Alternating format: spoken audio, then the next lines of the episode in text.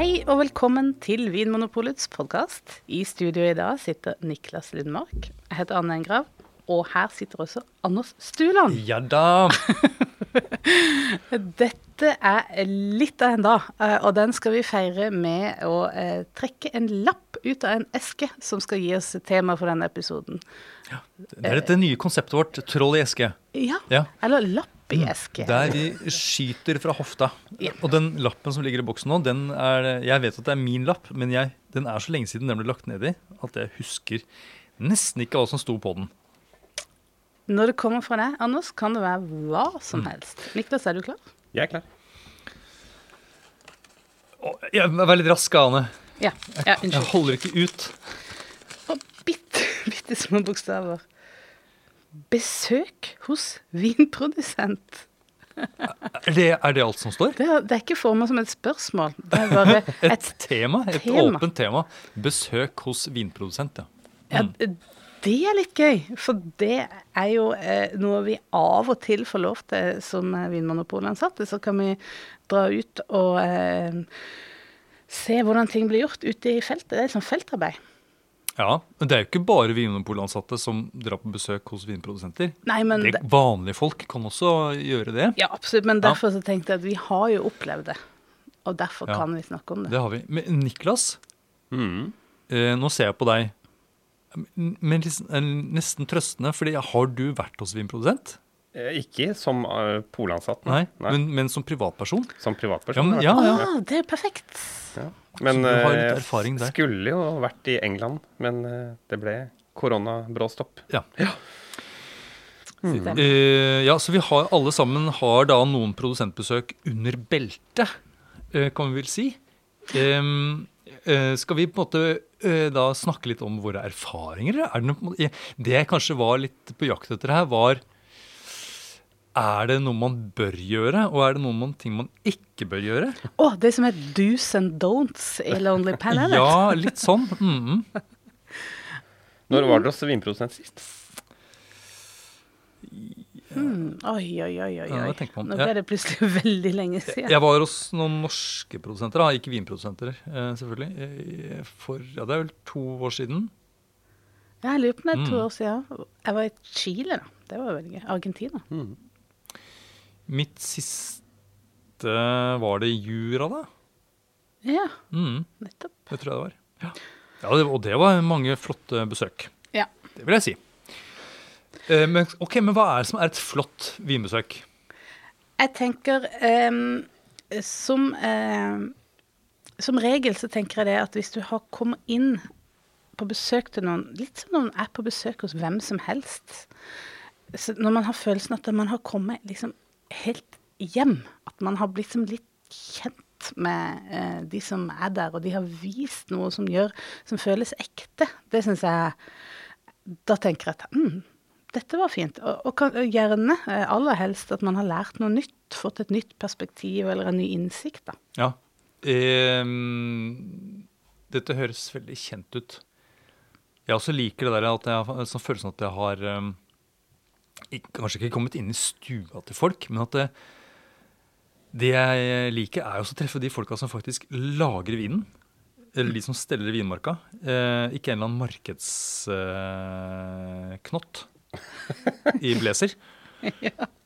Og så gjerne noe litt sånn eh, noe, noe litt sånn Ikke inside-informasjon, men noe sånn, noe litt sånn, noen sånn, en sånn for, for, fortrolighet, da. Ja. Ja. Det, Eh, men um, det er jo ikke alle produsenter eller Det er mulig å få den derre eh, personlige tonen, tenker jeg. nei, for det er jo eh, Noen vinprodusenter er jo nesten som kongelige.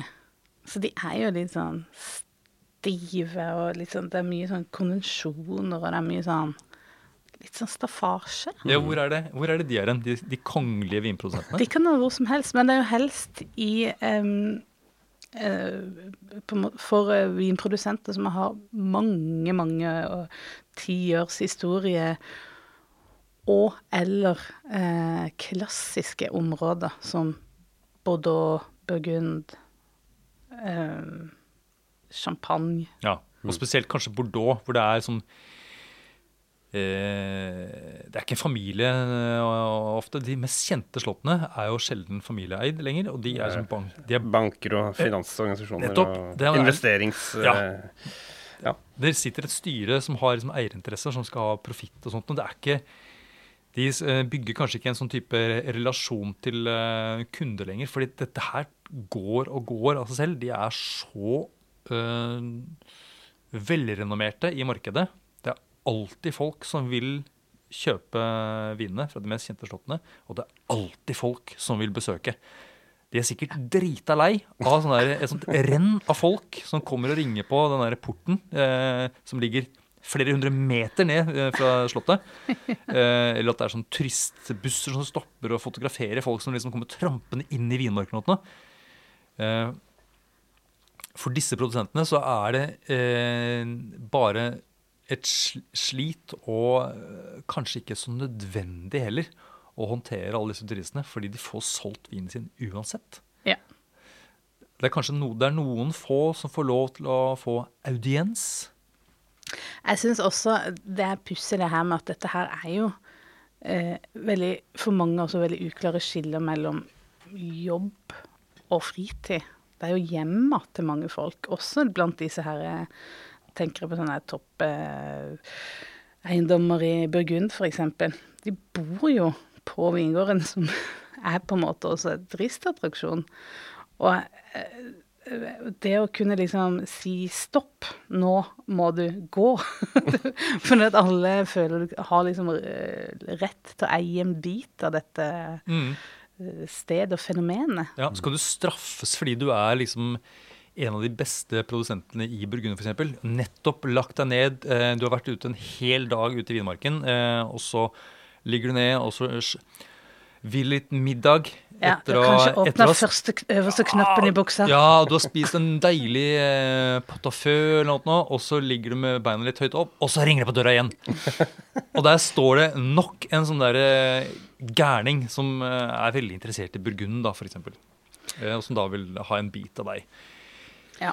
Det er en grunn til at mange av disse mest kjente produsentene de har ikke store skilt.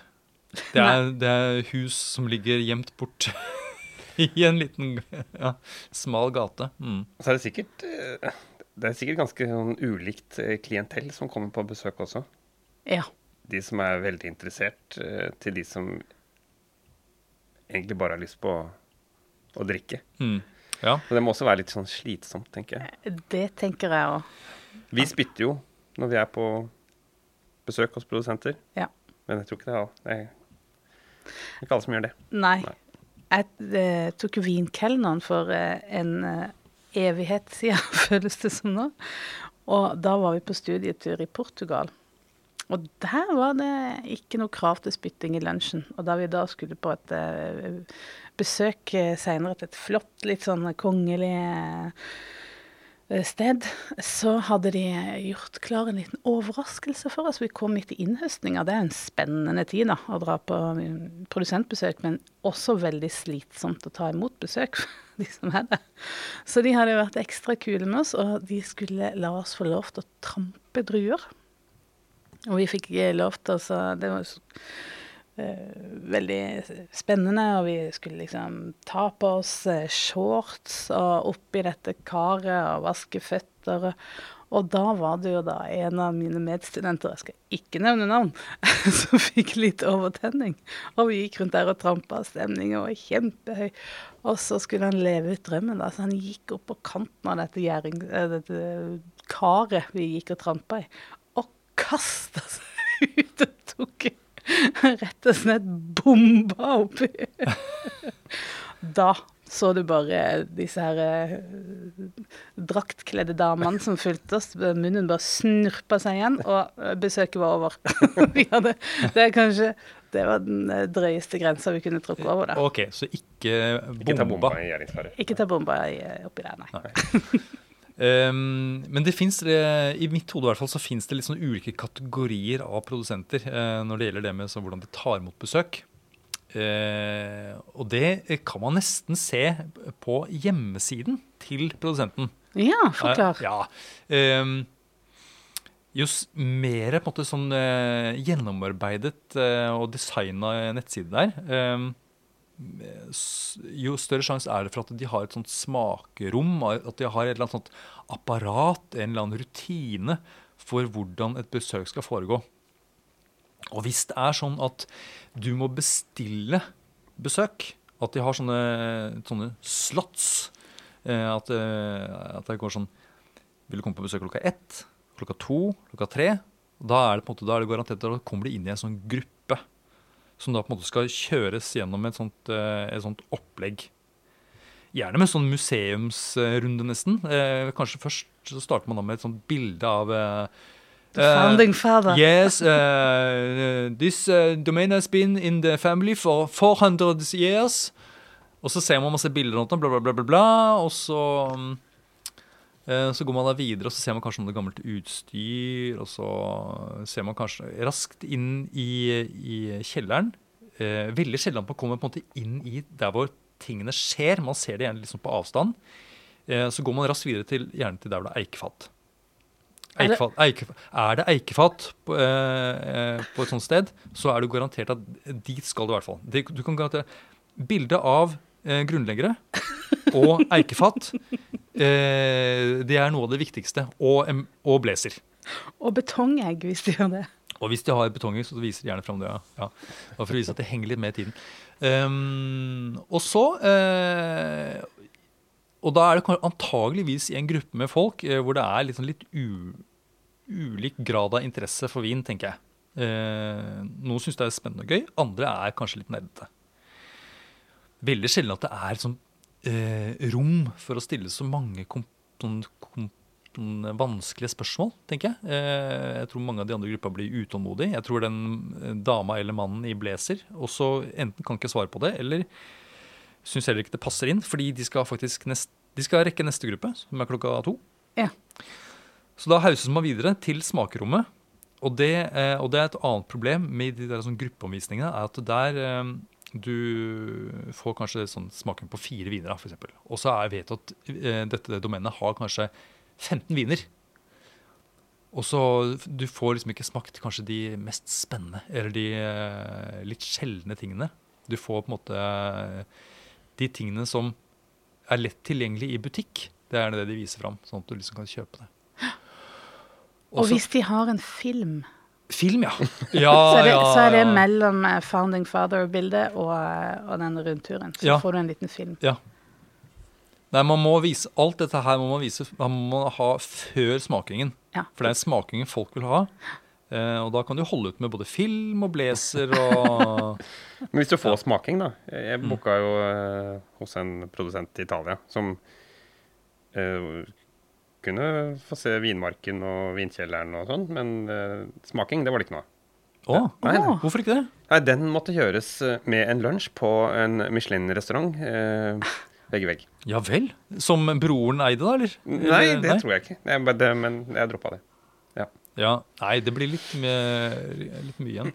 Da, heller, da gikk jeg heller og kjøpte de vinene Ja. i en butikk. Og så hadde jeg min egen smaking.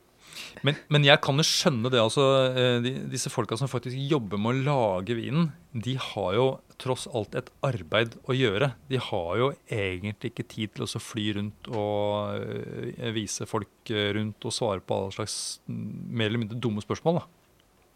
Nei. Så jeg skjønner jo at de har et sånt opplegg der man kan håndtere en del folk. når de vet at det kommer folk på døra her. Så Ja. vi, må ha, vi, må ha, vi må organisere det på en måte. Det er vel det de kaller opplevelsessenter. Ja. Der har jeg lagt merke til mange snakker om som eh, eh, opplevelsessenter. Mm. For det er enten så kan når du er blitt såpass uh, stor og berømt og attraktiv, så eh, kan jo da uh, du velge å bare si nei. Dette, denne vinen er får man eh, se i restauranter eller eh, på barer. Eller så kan man lage et opplevelsessenter og så gjøre det til en sånn event. Mm. Men eh, ja, for nå, nå snakket jeg på en måte om den ene kategorien. Ja, du snakker på om den oh, ja, de med den der hjemmesida, ja. Ja. Og så er det da de produsentene som kanskje bare har en De har gjerne en hjemmeside, Men når du begynner å klikke på elementene Du vet, vet, du, vet du hvor jeg skal hen? Ja, Ja. jeg har banna litt over noen sånne. Ja, ja. Men du klikker du på elementene, så står det sånn eh, Det står sånn eh, About us. Og så klikker du der, og da kommer det gjerne Der har de gjerne lagt litt arbeid. Den er gjerne på plass, for der står det sånn uh, This domain has been in, in the family for 400 years, and this is the founding father. Og så er det bildet. et bilde. Så har de skanna inn et sånt uh, svart-hvitt-fotografi. Men når man kommer på alt det andre, uh, filosofi, uh, terroir og sånt noe, klikker på de forskjellige stedene, Our wines. ja, så står, er det kanskje noe på fransk, men når du skal på, eh, er inne på den engelske versjonen, så står det bare 'under construction'. men dette er et godt tegn, tenker jeg. Fordi Ja. her er det på en måte Her mangler de et apparat. De mangler blazerne. Og markedsknoppene. Sa- Sannsynligvis, ja. Eh, og det, ja, så dette er et godt tegn. Så er du litt interessert i vin eh, og vil ha noe liksom, litt mer ut av sånn vinbesøk, så, så er det, kan man blinke seg ut noen sånne eh, produsenter. For da, hva er det man kan få da? Da møter, du, da møter du far i huset som eh, Eller de som faktisk lager vin. Ja, Og det aller beste er hvis du klarer å eh, treffe både far og sønn. ja. Eller datter. For da, det kan bli Det er veldig interessant veldig ofte. ja. Og se dynamikken mellom de to. Dynamikken mellom mm. den uh, gamle og den unge. Veldig ofte interessant. Ja. Um, ja, for da kan du treffe disse som faktisk eier, driver og lager, og som kjenner vinmarken. Sannsynligvis så er det ikke sånn at du, at du går bak en glassvegg og ser inn på et sånt produksjonslokale. Du får komme inn og se og lukte eh, på, på ting. Kanskje det er ting i tankene som du kan få smake på, du kan titte inn i, du Ja. kan ta på. Og de Eh, viser det. Hvis du ja. stiller de riktige spørsmålene, så kan de åpne opp. eh, Ja. Now listen down, you, can, uh, you can hear the malolactic uh, conversion here. Å, oh, kan man høre malolaktisk? Ja. Ja. Mm. Ja, ja, ja. Og så er det alltid lurt, da tenker jeg, eh, å kanskje på forhånd eh, selvfølgelig vite litt om druetyper, liksom kravene i, eh, for, liksom, for appellasjonen, hva som må gjøres for å lage vin der. Men også kunne litt sånn om det sånn produksjonstekniske. Gjerne lære seg noen sånne Det er lurt å spørre om eh, bruker de f.eks. Eh, tilsetter gjær, eller bruker de indigenous yeast? Ja. Eh, altså sånn stedegen gjær, f.eks. Så, sånne ting kan på en måte være, har jeg opplevd, det er når liksom produsenten mener at å, ok, her er det noen som har, som har fulgt litt med. ja, for da kan du slutte smakinga med å si Ja, hvordan tror du disse vinene utvikler seg? Veldig, veldig, ja, for nettopp, fordi Når du har på en måte vært gjennom denne, kjelleren og sånt nå, fått omvisning, og sånt nå, du har stilt de riktige spørsmålene, du er interessert eh, Dere har kanskje hatt en liten faglig diskusjon, kanskje både far og sønn har vært der og nesten begynt å krangle. Eh, og så er det sønnen som går videre med deg. Eh, og så kommer det da til ikke et sånt prangende smakerom, men det er kanskje inne på kontoret eller noe ved siden av en faksmaskin. Der, for de har jo Ja. det er faks, det er sånn det foregår egentlig. Kontakten gjerne med disse. Der eh, kan man eh, begynne å smake. Eh, og så, ja, Man finner fram noen glass, ja, og så er han borte en stund. Så kommer han tilbake med, med Nå roter vi fra et Nettopp. og, og da kan man spørre hvordan utvikler disse vinene seg? For hva skjer da? Ja, da kan det hende. Ah, wait a minute, sier kanskje da, så går de og henter gamle flasker. Ja. Og det er jo alltid veldig spennende. Å ha muligheten til å få smake både de ferske og utvikla viner. Hvis du er riktig heldig og kommer på ordentlig godfot, så kan det være de spør sånn When is your birth year? Ja, det ja, er alltid et godt tegn. Det er et veldig Ja, tegn. ja, ja, tegn. Da er det bare å være ærlig. ja da. Hvis du har lyst til å øh, lære litt da, om øh, det som dere snakker om, sånn, hvordan vinmakingen foregår og sånn, så man er litt forberedt, da, så har vi noen podkaster tilbake til. Vi kan, Ja. øh, Ja, vi er kan legge det i episodeinfoen. Smart. smart. Det var smart. Eh, ja, så er det det. Hvordan skal man få kontakt, da? Eh, det er ikke sikkert de har e-post. Jo, altså, sannsynligvis har de e-post. Men det er ikke alltid de svarer på det. Veldig lang tid. Det kan ta lang tid. Eh, eh, og med mitt råd da, og dette har vi har vel lov til å si dette her, har vi ikke det? Eh, Nå vet ikke jeg hva du skulle si, men nei. Finn ut hvem som er importør.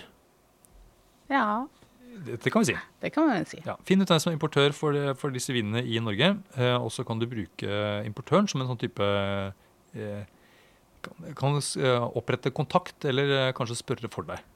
Og, så er det litt med tidspunkt. Når er det det er lurt å besøke eh, vinprodusenten? Og da tenker jeg ikke på tid på døgnet. Altså Det blir på dagtid. Det er jo alltid en, for, alltid en fordel. Men Ja, det er jo det er noen årstider som passer dårligere, tenker Ja, og det er spesielt innhøstninga. Ja. Da har det jo fryktelig mye å tenke på. Ja, og da snakker vi sånn september-oktober stort sett eh, på Ja. den nordlige Nordlige halvkule. Mm. Ja. Så blir det på vår, eller ja, vårparten faktisk, da, på, Ja. eh, hvis du drar til Australia, New Zealand, Sør-Afrika, Sør-Amerika. ja, faktisk. Ja, og da eh, Det kan jo være at man er heldig og de har tid, og da skal man være eh, litt sånn følsom for eh, når man begynner å presse på.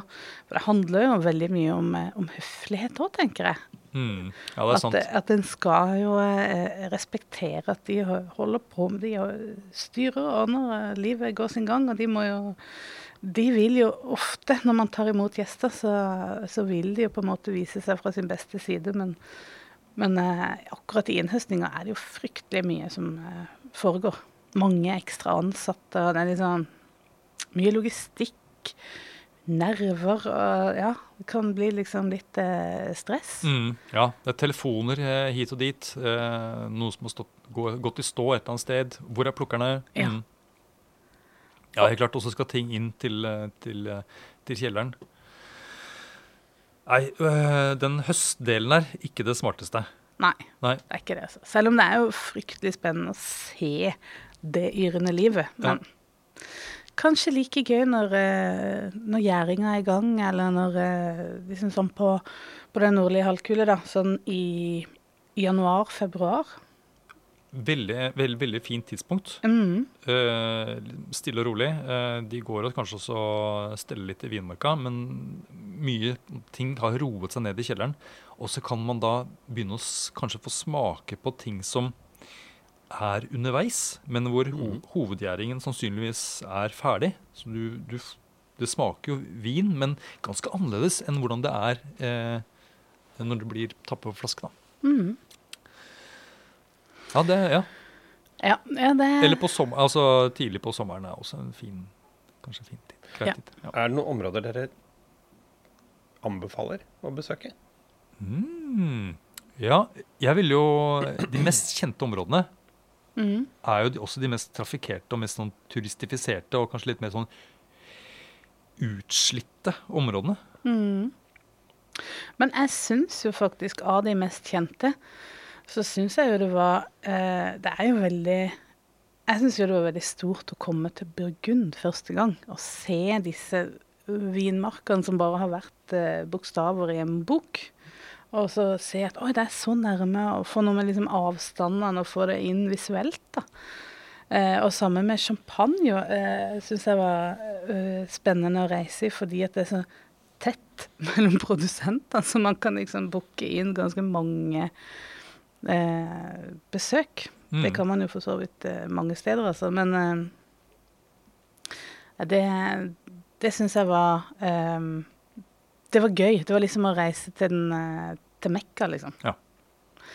Men eh, ja, det, det er jo ikke nødvendigvis bare der. Det, det, ja, Hva tenker du, Anders? Nei, jeg ville jo kanskje dratt til et område der jeg vet at de lager en del forskjellig type vin.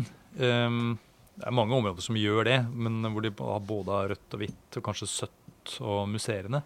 Men også et sted hvor folk eh, ikke er vant til å få så mye turister, sånn at de eh, de blir kanskje, kanskje litt mer glad for å få besøk. Um, ulempen er jo det at veldig ofte så engelskkunnskapene kan være litt sånn kom Ja. si, kom sa. Det kan være litt stress. Så det, det er hvis du snakker Hvis du drar til Frankrike, f.eks. Er, hvis du ikke snakker fransk selv, så kan det være greit å sjekke om produsenten snakker engelsk, eller om sønnen eller datteren snakker engelsk. Uh, men sø Sørvest-Frankrike uh, tenker jeg er et sånt område hvor de er ikke så godt vant med mye besøk, men hvor de produserer mye spennende vin. Så der kunne jeg godt tenkt meg å dratt. Jura, som vi har eh, snakket om, som jeg har vært til besøk, eh, er jo i ferd med å etablere seg som et Mm. sånn hot område. Eh, ja, Sør-Frankrike også. Du er jo- bare i Frankrike nå. nå. er bare Frankrike. eh, Beklager. Men Spania også Ja. kan vel også være, også være muligheter. Litt større avstander mm. veldig ofte. Eh, Man må jo nesten dra et sted der man tenker at dette er vin jeg syns er spennende Ja. og godt. Ja. Og, og ikke glemme den naturopplevelsen òg. De vinområdene som har noe sånn egenarter, noe sånn særegent over seg, det er jo veldig, veldig kult å oppleve. Selve naturen der, da. Om det er veldig Ja. bratt eller terrassert, eller om det er mye hav, eller om det er mye Altså hva nå enn kan være. Ja, for det har vi ikke snakket om ennå. At uh, denne turen ut i vinmarka Ja. Uh, som, Med eller uten produsenten, da. Ja, men fordi hvis du kommer i en sånn gruppetur, så Det å dra ut i vinmarka er noe som tar litt tid. Så det er noe som gjerne blir droppet. De har kanskje plantet noen vinplanter ute på gårdsplassen, bare sånn for å vise oppbinding og eh, at de bruker Merlot, Cabernet Sauvignon og sånt nå, som man liksom ser eksempler, men det er jo ikke, det er ikke der det egentlig skjer. Så det å dra ut i vinmarken, kjempefint. Fint å da ha med da en av de som jobber med det. da. Ja.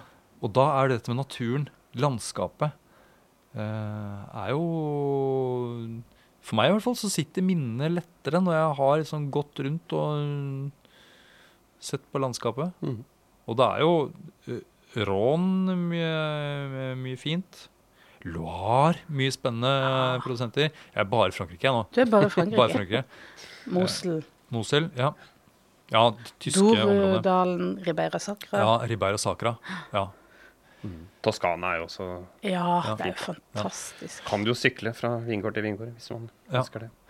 Problemet sånn som f.eks. Ribasakra er jo det er jo et område med mange vinmarker. Eh, mange, mange bønder. Men selve kjellerne ligger jo ikke nødvendigvis i akkurat i der hvor vinmarkene ligger. Det er litt forskjellig fra område til område.